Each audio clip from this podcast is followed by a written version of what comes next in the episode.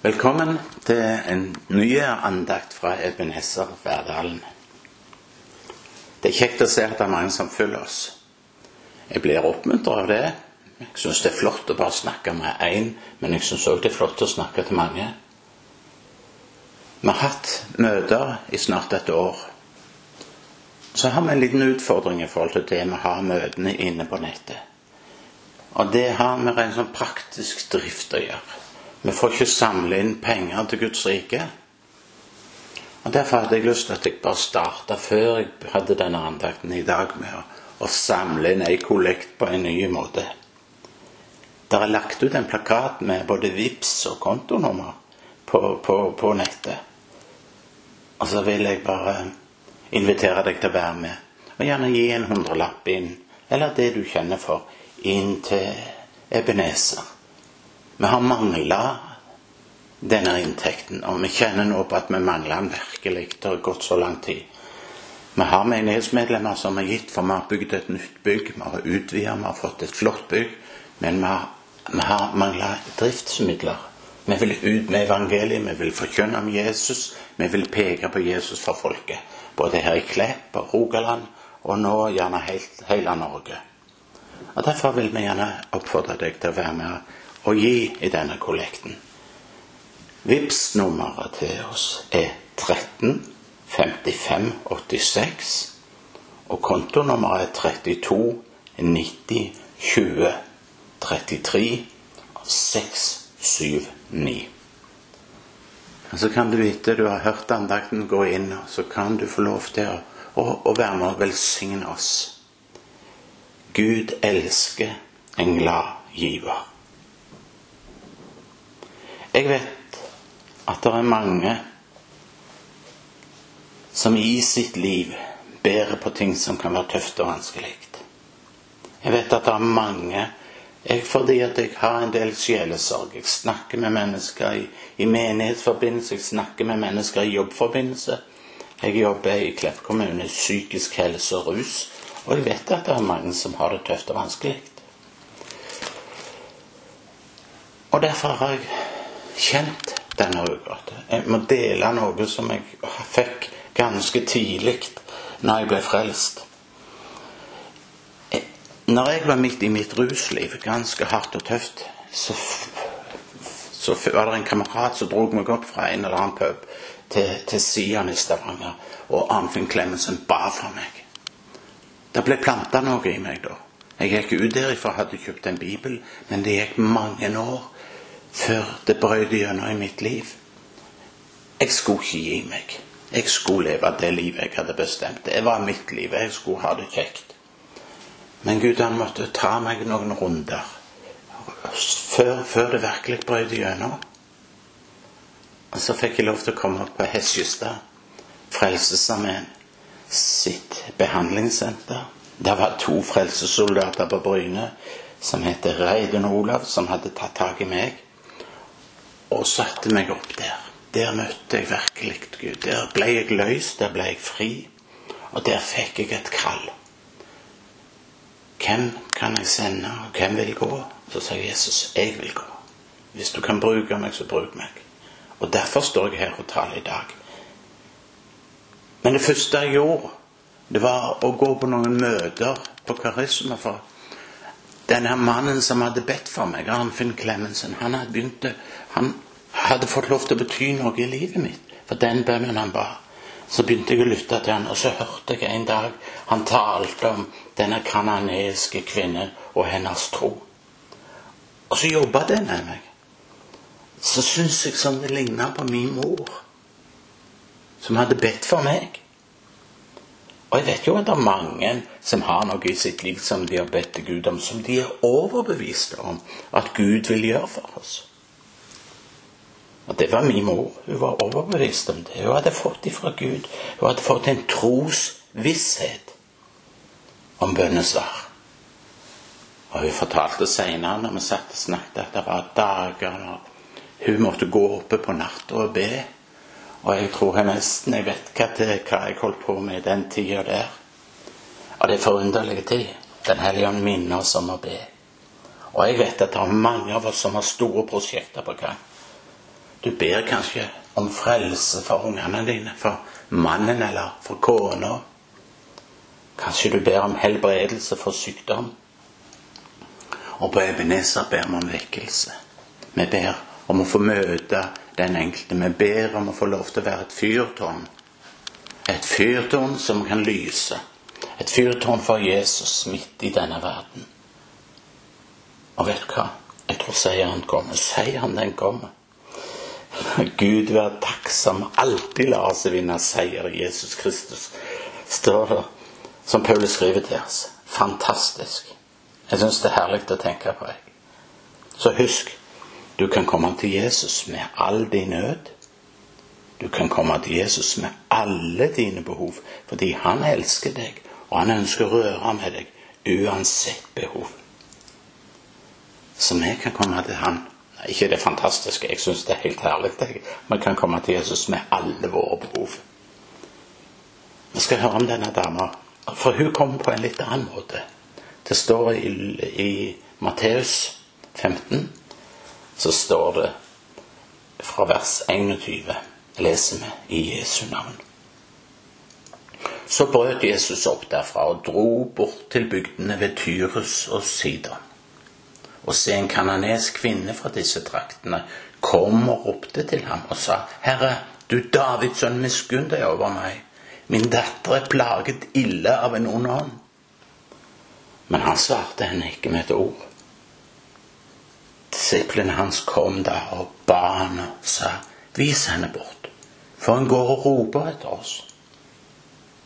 Men han svarte og sa, jeg er ikke utsendt til andre enn de fortapte får av Israels hus. Da kom hun og falt ned for han og sa, Herre, hjelp meg. Han svarte og sa, det er ikke pent å ta brød fra barna og kaste det til de små hundene. Men hun sa, det er sant, Herre. Men de små hundene eter jo smulene som faller fra bordet hos deres herrer. Da sa Jesus til en kvinne, din tro er stor. Det skal skje deg som du vil. Og datteren hennes ble helbredet fra samme stund. Amen. Amen. Det er Herlig, herlig. Et herlig ord. Og jeg kjente jeg talte meg denne, og kanskje det er fordi at jeg har gått og, og, og, og tenkt på min første tid denne tida her. Min første tid som kristen. Denne dama kom med sin nød til Jesus. Og nøden, det var jo at dattera var hardt plaga av ei ond hånd. Og Bibelen er så tydelig til oss på hva vi skal gjøre. I Salme 50, vers 15, så står det Kall på meg på nødens dag, så vil jeg utfri deg, og du skal prise meg. Og da tenker hvorfor, hvorfor sier vi det på den måten? Jo, vet du hva, mine venner. Vi sier det på den måten fordi det, det, er vi som må ta initiativet. Du må ta initiativet, jeg må ta initiativet. Vi må komme oss vekk fra den holdningen vi bare sitter hjemme i godstolen og tvinner på tommeltottene våre og så tenker at hvis Gud vil røre med meg, ja, så gjør han det. Jeg husker jeg reiste rundt med en gjeng gutter fra Nytt Livssenter og hadde møter. Og vi hadde møte i Flekkefjord. Vi sang, og vi vitna talte. Vi ba inn til forbønn om det var mange som kom fram og ville bli bedt for. Etter møtet så kom det en gammel mann til meg og nå har jeg vært her i 30 år, og jeg har ropt til Herren om at han må døpe meg i Den hellige ånd. Jeg sitter her på den tredje rada. Men han gjør det ikke. Men, men så kommer disse guttene, og så, så, så kjente han det at de var, de var frelst, de var utfridd, de var døypt i Den hellige ånd, mange. Og han hadde en sånn lengsel etter det. Men han satt bare der tvinte tommeltotter og tenkte hvis Gud vil røre med meg, så gjør han det. Det er så mange av oss som tenker på den måten. Hvis Gud vil helbrede meg, så gjør han det. Ikke sant? Her kan jeg få lov til å fortelle deg det i dag, at det passer alltid for Gud. For Gud har gjort det han skal gjøre. Kraften står alltid på hos ham. Han vil alltid. Men det er du og meg som må ta dette initiativet. Kall på meg på nødens dag, sa Herren. Det står ikke det når du er i nød og vil komme utfri deg, men det står når du kaller på meg på nødens dag, da vil jeg utfri deg, og du vil prise meg. Det er altså vi som må ta initiativet. Hvorfor er det sånn? Jo, det oppdaget jeg når jeg ble frelst. Det oppdaget jeg når jeg ble løst. Det er fordi at Gud han har tatt initiativet. Jesus døde for deg og meg. Han tok initiativet, Gud, når han sendte Jesus. Gud har allerede gitt oss alle ting med ham. Gud har gjort det han skal gjøre. Hans kraft står på. Men du og meg, vi må komme. Vi må komme, vi må Jeg har nevnt for dere at jeg hørte på, Arnfinn Clemensen. Men det var òg en frelsessoldat fra Sverige som har betydd utrolig mye for meg. En bibellærer som heter Peter Barnowski. Og han fortalte meg det at når Gud taler sitt ord til oss, sitt rema-ord inn til oss, og vi handler som om Guds ord er sant, ja, så forløses Guds kraft. Der var det en nøkkel. Gud, han taler til deg og meg. Vi kan lese ordet logos. Men så kommer Den hellige ånd, og så åpner han ordet for oss. Og så får han lov til virkelig å, åpne det sånn at vi kjenner dette ordet. Gud, nå taler du rett til meg. Og så holder jeg fast på dette ordet. Og så handler jeg som om det ordet er sant. Og vi ser eksempel etter eksempel. Jeg skal ikke, jeg skal ikke, gjøre, jeg skal ikke gå mer på de eksemplene. På, men, men, det er på denne måten Gud har gjort det han skal gjøre. Hans kraft står på. ikke det fantastisk? Og Salme 107 ser vi det igjen. Jeg fortalte om disse sjømennene som, som var ute på, på, sjøen. Og så står det at Gud reiste en storm. Ah, de tok det opp, og de tok det ned. De ble så fortvila. De, de, var kommet til forstandens ende. Med deres visdom var det forbi. Så ropte de til Herren. Så ropte de til Herren. Og Herren frelste de ut av trengslene. Og de priste ham. Du, Gud er god. Halleluja, Gud er god. Jeg syns det er fantastisk. Aud kom til meg når jeg traff Aud. Så sa jeg Jeg var nok der at jeg ikke ville se på min fortid. Jeg skulle se rett fram. Jeg skulle bare se på Jesus. Jeg, for jeg kjente at så jeg, tilbake, så jeg meg tilbake som tidligere rusmisbruker, så tror jeg nok at det kunne bli til ei saltstøtte. For meg var det viktig å bare se framover. Men så kommer hun til meg og sier, så minner hun meg med denne salme 103. Så sier Svein vi må ikke glemme Herrens velgjerninger. Han kjenner Det er helt herlig. Vi skal ikke glemme Hans velgjerninger. Tenk det. Gud, han vil utfri meg. Gud vil utfri deg. Og så står det ifra vers 3 Min sjel Nei, jeg tror jeg leser fra vers 1. Min sjel lover Herren, og alt som i meg er, lov Hans hellige navn. Min sjel lover Herren, og glem ikke alle Hans velgjerninger. Og så kommer vers 3-5, da, hvor Bibelen snakker om at han tilgir min skyld, eller min synd, mine misgjerninger. Han, han leger alle mine sykdommer. Han forløser mitt liv ifra grava. Han kroner meg med miskunnhet og barmhjertighet. Og han metter min sjel med det som godt er. Så glem ikke alle Herrens velgjerninger. Han tilgir de synd. Han leger dine sykdommer. Han forløser ditt liv ifra graven. Han kroner deg med miskunnhet og barmhjertighet. Og han metter din sjel med det som godt er. Halleluja. Halleluja. Han forløser mitt liv fra graven. Ja, jeg har tenkt på det. Jeg hørte, tror jeg, at fordervelsen står der i noen oversettelser. Men det tenkes det på Jeg tror Det tenkes iallfall ikke på døden, at med en gang skal dø, men det tenkes på gravene, grov, disse ulykkene, all den elendighet som djevelen vil skal ramme våre liv. Han forløser oss ut av det. Han hjelper oss gjennom det. Halleluja. Vi må komme til Jesus med vår nød. Dette er jo nøkkelordet. For han har lovt å utfri oss fra plage, fra sykdom og nød. Han har ikke sagt at vi ikke skal møte plage, sykdom og nød. Men han har sagt 'Kall på meg på nødens dag, og jeg skal utfri deg'. Jeg skal utfri deg når du kaller på meg. Og denne dama som vi leste om, hun kom med sin nød. Og den nøden var stor. Tenk at hun hadde ei datter som var demonbesatt. Hun kom, og så kalte hun på Jesus. Gud har lovt å hjelpe hvem? Jo, han har lovt å hjelpe de som kommer. Sånn er det. Jesus, Dette er dere enige med meg i. Jesus har frelst alle. Men det er den som kommer, som får del i frelsen.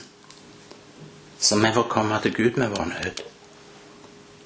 Vi tar det litt videre.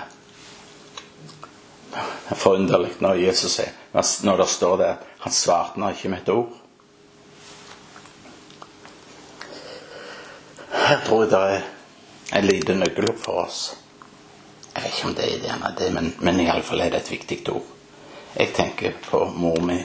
Jeg tenker på hvorfor måtte hun vente så lenge på sitt bønnesvar. Hvorfor skjedde det ikke noe? Kanskje du òg er der. Du vet det at vi kan gå til forbønn, vi har vært til forbønn mange ganger. Du, du, du, du har kanskje vært der 20 ganger, ennå så er du syk. Det er vonde, dette mørket, dette tvunget. Det som er over familien din. Det som du plages av med. Hvorfor er du ikke utfridd, tenker du? Så står det at han svartna ikke med et ord. Disiplene kommer og sier få henne vekk. Hun plager oss. Hun plager oss. Vi kan ikke ha hun på møte. Jesus svarte. Jeg er ikke utsendt av andre enn de fortapte får av Israels huset. Så kom han bare, Hjelp meg. Hjelp meg, Jesus. Du må hjelpe meg. Jeg tror dette her kan Jesus få lov til å bruke. Herren kan få lov til å bruke denne beretningen inn i ditt og mitt liv. For den kan gi oss mot å holde ut. For seieren kommer. Halleluja. Seieren kommer. Det har vi snakket om. Ikke sant? Gud vær takksom gir oss seier over Herre Jesus Kristus. Men hun kommer her. Jesus svarte ikke med et ord. Disiplene sa la meg sende vekk. Men da kommer vi bare enda sterkere. Du vet, da hun møtte motstand, da gikk hun lenger. Når det drøyde, så gikk hun lenger. Man har så lett for å gi opp. Man har så lett for å ta et skritt tilbake for å roe oss ned. Man for lett for å si 'Å, Gud vil ikke dette'. Gud vil ikke gi oss dette. Det, er kanskje ikke Guds vilje. Kanskje det er noe i veien med livet mitt. Kanskje jeg ikke er snill nok eller god nok. Og så begynner vi å rote det gamle livet. Men det er ikke der det ligger i det hele tatt, venner. Det ligger på din og min innstilling. Må Gud røre med vår innstilling. Må Han bevege oss fra denne vantroens Nasaret til troens Genesaret. Hva gjør du når svaret drøyer? For Gud svarer Gud er en bønnhørende Gud, han. Men det virker noen ganger som om han ikke svarer. Det virker noen ganger som om han ikke hører. Mens andre ganger så bare kommer han, og så bare intervenerer han, og så bare gjør han det. Vi husker beretningen fra Betestadammen, ikke sant? Hvor Jesus bare spaserer inn til denne mannen som hadde vært syk i 38 år, og helbreder. Det skjer òg på våre møter i dag. Noen ganger kommer det et sånt rema årsaksnakte. Rema rett ifra Herren og utfrir og helbreder. Mannen med damen hadde verken ropt eller tenkt på Jesus, men han, Jesus gikk bare rett inn der. Men i de fleste tilfeller så må vi ta initiativet. Vi må handle. Vi må be i tro. Og men tro tror ikke å kjenne masse følelser inni seg. Tro, det er ganske enkelt å komme. Og jeg kjenner en sang som heter 'Å tro der er legge seg ned ved korsets fot', og begge hender strekker vår Herre Kristi mot. Så tro er å komme. Tro er å handle. Og noen ganger så kan det være at vi handler stikk i strid med følelsene, men allikevel er dette tro. For troen vår sitter ikke i sjelslivet, i følelsene, ikke sant? Troen sitter ikke i hodet mitt eller tankene mine, men troen, den sitter i vår ånd. Den som er født når vi ble født på ny. Vår gjenfødte ånd. Halleluja. Den som er fra Gud. Derfor er han en av de viktigste bekjennelsene. Jeg tror selv om jeg tviler. Men kommer denne dama, så faller hun ned for ham, så tilbyr Det er nesten som hun sier Yes, jeg har ikke tenkt å gi meg, for jeg har en datter der hjemme som sliter, som er besatt av en ond ånd, og jeg vet at du er løsningen for meg, så jeg vil ikke gi meg. Du har sagt noen ganger tror jeg vi blir testa i vår tro. Men troa den kommer aldri igjen. Den gir ikke opp, den. Troa legger seg ikke ned og dør. Nei. Sånne følelser som klager og synes synd på oss sjøl, det, det, kan vi ha, for er jo mennesker. Og jeg kjenner Jeg må si mange ganger til mennesker at de må ikke bli fordømt om, om det skjer seg litt i følelseslivet.